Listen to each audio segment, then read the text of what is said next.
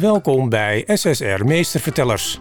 Vanuit onze studio hoort u inspirerende verhalen over recente ontwikkelingen en thema's die spelen binnen de rechterlijke organisatie. In deze aflevering is de gast Sjoerd Bakker, raadsheer bij het Hof Arnhem-Leeuwarden en verbonden aan de Vrije Universiteit Amsterdam. In 2012 promoveerde hij op redelijkheid en billijkheid in het contractenrecht. Een onderwerp dat volop in de belangstelling staat in deze tijden van corona. Hij gaat met Daan Langkamp in gesprek over wat corona betekent voor het contractenrecht en hoeveel vragen het oproept. Sjoerd Bakker, je bent raadsheer, universitair docent privaatrecht bij de VU en in 2012 gepromoveerd op redelijkheid en billijkheid in het contractrecht.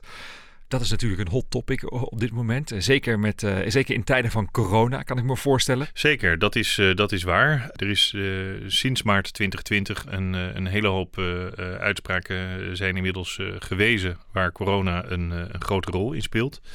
En um, ja, dat biedt natuurlijk heel veel vragen voor zowel justitiabelen als voor rechtstoepassers om van wat betekent het dat corona een contract um, beïnvloedt en uh, wat voor uh, risico's uh, creëert dat en wie moeten die risico's dragen. Dat, dat zijn interessante, maar ook wel belangwekkende thema's. Ja, want kan je eens ons in een, in een voorbeeldzaak meenemen? Kan je eens een, een ja, voorbeeld uit de praktijk geven? Zeker, er zijn er vele, maar um, een zaak die wel destijds veel stof deed opwaaien en ook veel publiciteit heeft gegenereerd, is, is de zaak die Vitessa heeft aangespannen tegen haar verhuurder.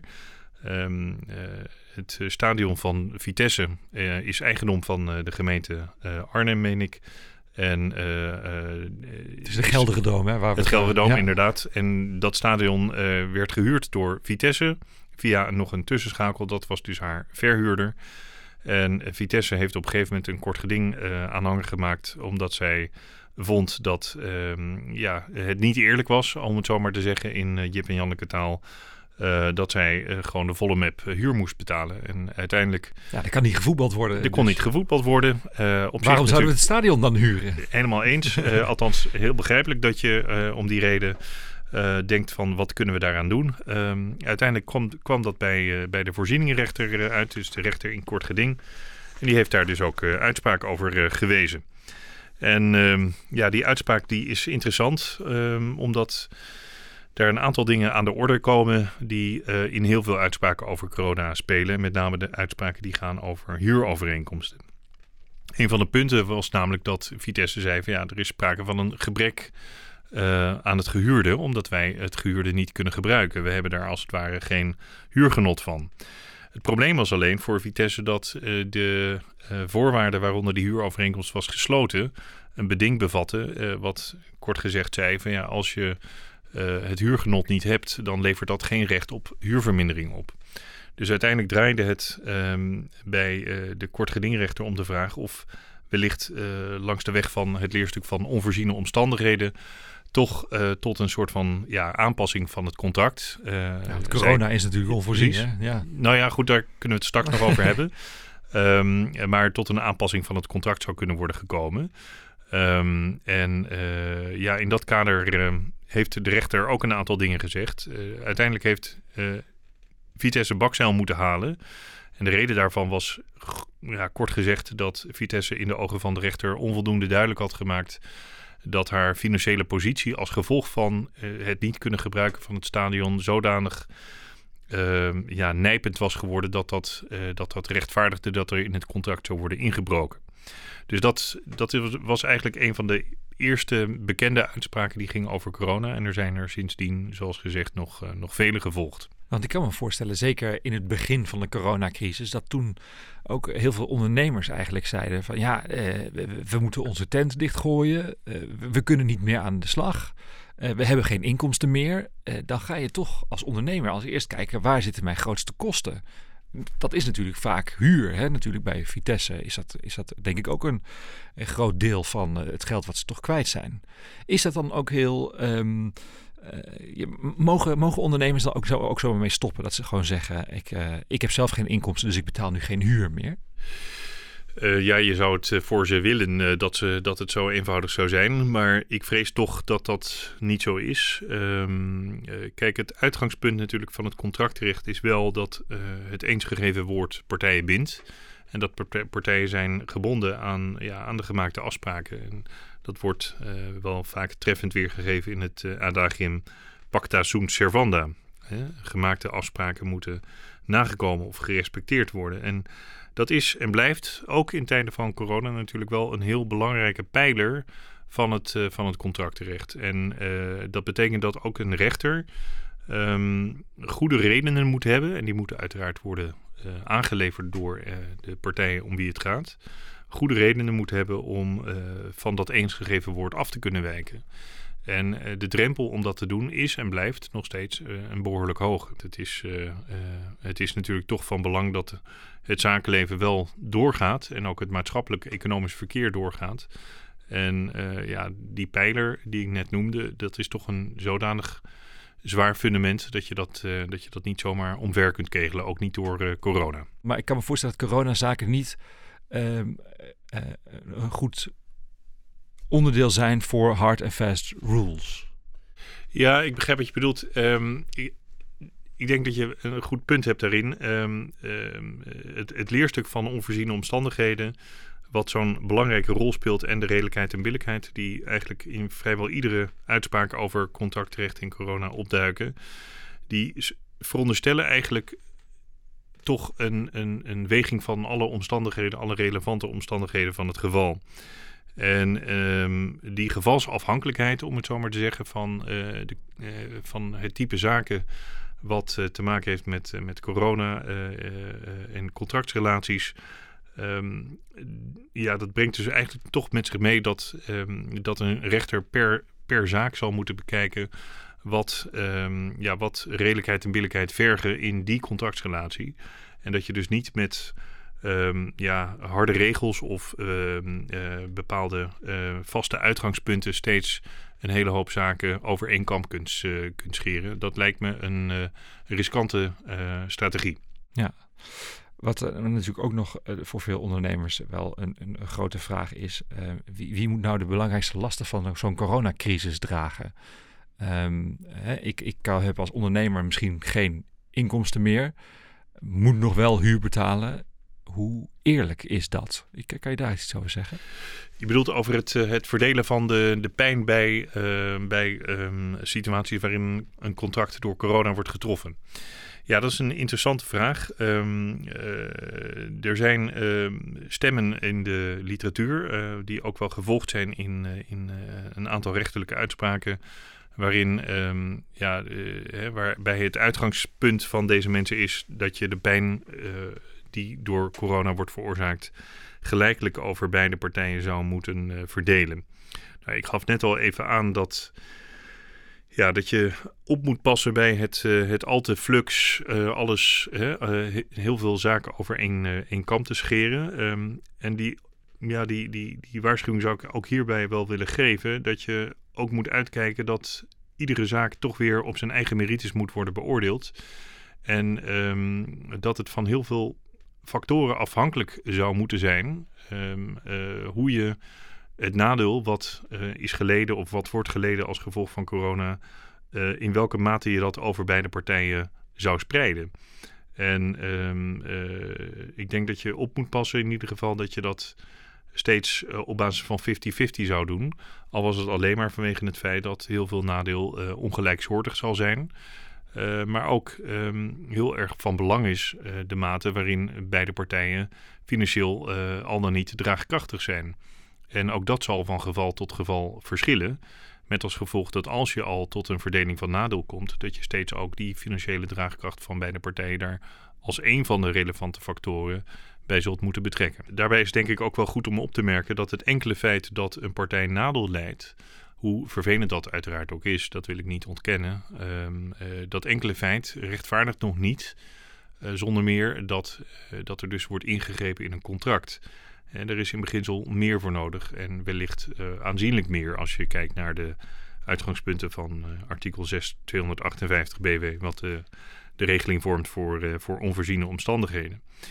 Dus als je kijkt ook naar de literatuur en de rechtspraak over onvoorziene omstandigheden, met name het arrest Briljant Scheuders ABP uit 1998, dan zie je dat de Hoge Raad daarin toch wel heel nadrukkelijk aangeeft dat het uitgangspunt inderdaad is wat ik net al noemde, dat redelijkheid en billijkheid in de eerste plaats verwacht, met zich brengen dat partijen te houden zijn aan hun gegeven woord. En dat dat ook betekent dat een uitzondering daarop slechts bij hoge uh, uitzonderingen ehm, kan worden toegelaten. Ik kan me ook voorstellen dat het gewoon van belang is dat partijen eerst eens met elkaar gaan praten.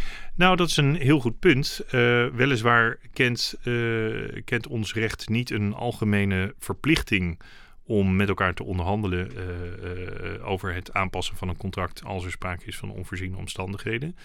Maar ons recht kent natuurlijk wel de verplichting van beide contractspartijen om zich conform de eisen van redelijkheid en billijkheid met elkaar um, zeg, ten, zich ten opzichte van elkaar uh, te gedragen. En dat kan natuurlijk in heel veel gevallen wel degelijk meebrengen dat partijen um, het constructief overleg met elkaar niet moeten schuwen um, en zich ook inderdaad constructief moeten opstellen ten opzichte van elkaar en ook elkaars gerechtvaardigde belangen in ogenschouw moeten nemen uh, op het moment dat ze ja, uh, voor de uh, keuze gesteld worden hoe ze met die crisis willen omgaan. Maar, maar is dat in zo'n coronacrisis eigenlijk wel... Um, dat ik kan me voorstellen dat het heel moeilijk is voor heel veel bedrijven ook om om dat te doen. Ik bedoel, beide partijen kunnen enorm last hebben van die coronacrisis. Zeker, uh, maar uh, dat laat natuurlijk onverlet dat, uh, dat je natuurlijk wel met elkaar in overleg zou kunnen gaan over de vraag hoe je met die situatie om eh, wil gaan. Echter alleen ook voor die situatie, hè, dat die, de vraag in hoeverre je gehouden bent om met elkaar van tevoren in overleg te treden voordat je eventueel de gang naar de rechter maakt. Uh, geldt denk ik dat je niet uh, in algemene zin kunt zeggen dat partijen steeds daartoe verplicht zijn, maar dat dat ook per geval zal moeten worden vastgesteld of dat, of dat inderdaad van partijen gevergd kan worden uh, of dat dat te ver voert. Dus ook daar geldt liever piecemeal solutions dan hard and fast rules. Precies. We tikten het al heel even aan, de, de coronaclausules. Kan je daar iets over, meer over zeggen? Hoe, hoe zit dat precies? Is dat heel makkelijk voor, voor partijen om af te spreken? Nou, dat is een beetje afhankelijk van, uh, van, van het, uh, het type contractuele relatie en, en de, de, de, uh, ook de hoedanigheid van partijen. met name partijen die, laten zeggen, erbij gebaat zijn dat ze een regeling treffen voor um, uh, de effecten van corona op hun contractuele relatie, kan het natuurlijk vaak wel heel verstandig zijn dat ze die regeling ook daadwerkelijk treffen, omdat dat natuurlijk een stukje zekerheid biedt. Um, uh, doordat ze dat in eigen hand hebben en daar dus regels met elkaar over afspreken. Je ziet het uh, zeker, zeker gebeuren, met name ook denk aan bijvoorbeeld situaties waarin nu partijen met elkaar um, uh, spreken over een uh, overname van aandelen in een uh, vennootschap of een financieringstransactie. daarbij zal niet zelden, denk ik, op dit moment ook um, door partijen een voorziening worden getroffen voor, voor corona. Dat is natuurlijk een heel ander geval dan bij een kortlopende transactie, waarbij je als het ware de contractstuur prima kunt overzien. Hè? Als ik straks bij de supermarkt uh, naar binnen ga uh, om mijn boodschappen te doen, dan zal de cashier over het algemeen mij vreemd aankijken als ik aandring op een coronaclausule. Ja, je kan het altijd proberen. Natuurlijk. Ik kan het altijd proberen. nou kan ik me ook voorstellen dat corona, hoe gek het ook klinkt, misschien wel tot een van, van de normale ondernemersrisico's kan behoren. Ja, we hebben natuurlijk ook wel eens de Spaanse griep gehad. Uh, die misschien niet voorzien, maar ja, ook niet uitgesloten. Ik, uh, ja, ik hoor wat je zegt. Um, het interessante punt. Um, het is natuurlijk waar dat uh, rampspoed en ellende, uh, hoe vervelend dat ook is, horen op zichzelf tot het leven. Um, dus het, het, feit dat je bestaat, betekent niet dat je bent gevrijwaard van vervelende gebeurtenissen. In zoverre snap ik je punt. Uh, tegelijkertijd geldt wel, denk ik, dat uh, een epidemie of een pandemie zoals we die nu meemaken, van deze omvang, uh, die is tot dusverre wel heel zeldzaam gebleken. je moet dan denken aan dingen als inderdaad de Spaanse griep, maar dat is wel inderdaad alweer 100 jaar geleden. de pest, waar natuurlijk ook boeken over vol zijn geschreven. Dat was vroeger natuurlijk wel iets wat met enige regelmaat gebeurde, maar in onze meer moderne samenleving zijn pandemieën toch wel tot dusverre uitzonderlijk gebleven. De toekomst moet natuurlijk leren in hoeverre we misschien in de toekomst wel meer met dit soort pandemieën te maken gaan krijgen. En dan zou wellicht het punt wat je net maakte wel eens zou hè, kunnen gaan kloppen. Dat dat een terugkerend fenomeen wordt waar we inderdaad rekening mee moeten houden en wat we moeten incalculeren. Maar eigenlijk afgelopen jaar niet echt een normaal ondernemersrisico dus. Nou, ik, ik zou daar niet zo'n um, heftige uitspraak over willen doen. Um, feit is wel dat um, de meeste rechters uh, die over corona hebben geoordeeld en over de gevolgen daarvan, uh, bij mijn weten uh, van oordeel zijn dat het inderdaad een onvoorziene omstandigheid betreft en dat de, de gevolgen daarvan in beginsel niet behoren tot het normale leven, eh, normale ondernemersrisico. Maar nogmaals, ook daarvoor geldt, um, ja, uh, uh, rechters kunnen daar ook verschillend over denken. En er zijn wel degelijk ook rechters die bijvoorbeeld hebben aangegeven dat ja, tegenvallende omzetten, en dat is een iets andere invalshoek, tegenvallende omzetten als zodanig natuurlijk niet onbekend zijn voor ondernemers. En dat dat wel degelijk behoort tot het ondernemersrisico. Dus het is maar net de vraag welk aspect van corona um, je aan de orde stelt. Hè? Heb je het over de epidemie of de pandemie zelf? Dan zou je kunnen zeggen, ja, dat is onvoorzien. Of dat is een, een aspect wat, wat buiten het normale uh, ondernemersrisico valt. Maar andere rechters, die zijn wat strenger. En die zeggen, ja, het enkele feit dat je wat minder centjes verdient... is weliswaar heel vervelend, maar is op zichzelf niet onbekend in ondernemersland. Maar maakt het dan nog uit of je als ondernemer helemaal gesloten bent... en dus eigenlijk niks binnen, binnenkrijgt... Um, of dat je online nog grotendeels verder kan. Maakt dat dan bijvoorbeeld grote verschillen? Nou, dat is een interessant punt. Um, ik denk inderdaad wel voor de vraag. Hè, als een rechter zou nadenken over de vraag of die moet ingrijpen in een contractuele verhouding, dan is denk ik uh, zeker van belang de mate waarin de beknelde partij, hè, de partij die getroffen wordt door corona, in hoeverre die nog in staat is om alternatieve inkomensbronnen uh, aan te boren. En dat kan zijn uh, het online verkopen van spullen. Maar het kan ook zijn uh, natuurlijk afhalen, zoals dat bij restaurants uh, uh, op dit moment op grote schaal gebeurt. maar denk ook natuurlijk aan de overheidssteun die voor veel bedrijven beschikbaar is. Het lijkt mij logisch dat ook die overheidssteun moet worden meegenomen bij de vraag in hoeverre er sprake is van een, een wezenlijk nadeel voor een partij wat um, tot ingrijpen in de contractuele relatie noopt. En uh, daar kan nog aan worden toegevoegd dat um, dat natuurlijk ook, um, ja, moet ik het zeggen, um, mee zou kunnen spelen de mate waarin een partij, uh, uh, voordat hij bij zijn wederpartij aanklopt en zegt: Ik wil graag dat het contract wordt opengebroken.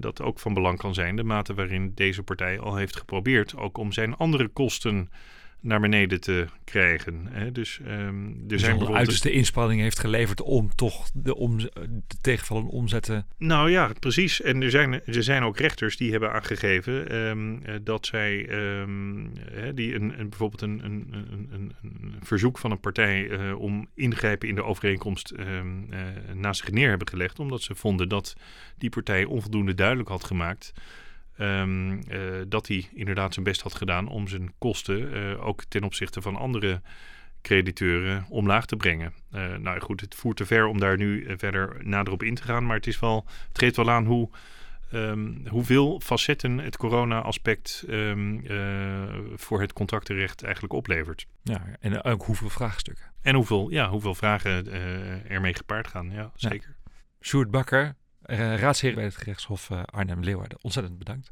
Dankjewel. Dit was SSR Meestervertellers. Wilt u op de hoogte blijven? Abonneer u dan op onze podcast. Graag tot een volgende keer.